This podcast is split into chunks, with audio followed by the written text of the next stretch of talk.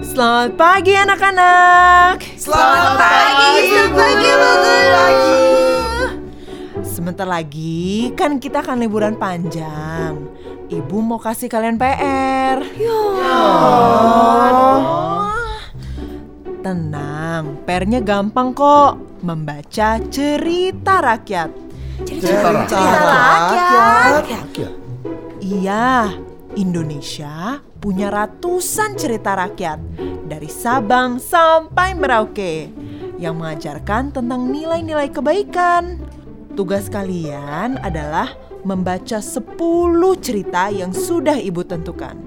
Lalu, ceritakan nilai-nilai kebaikan itu di depan kelas di minggu pertama sekolah semester depan. Oke?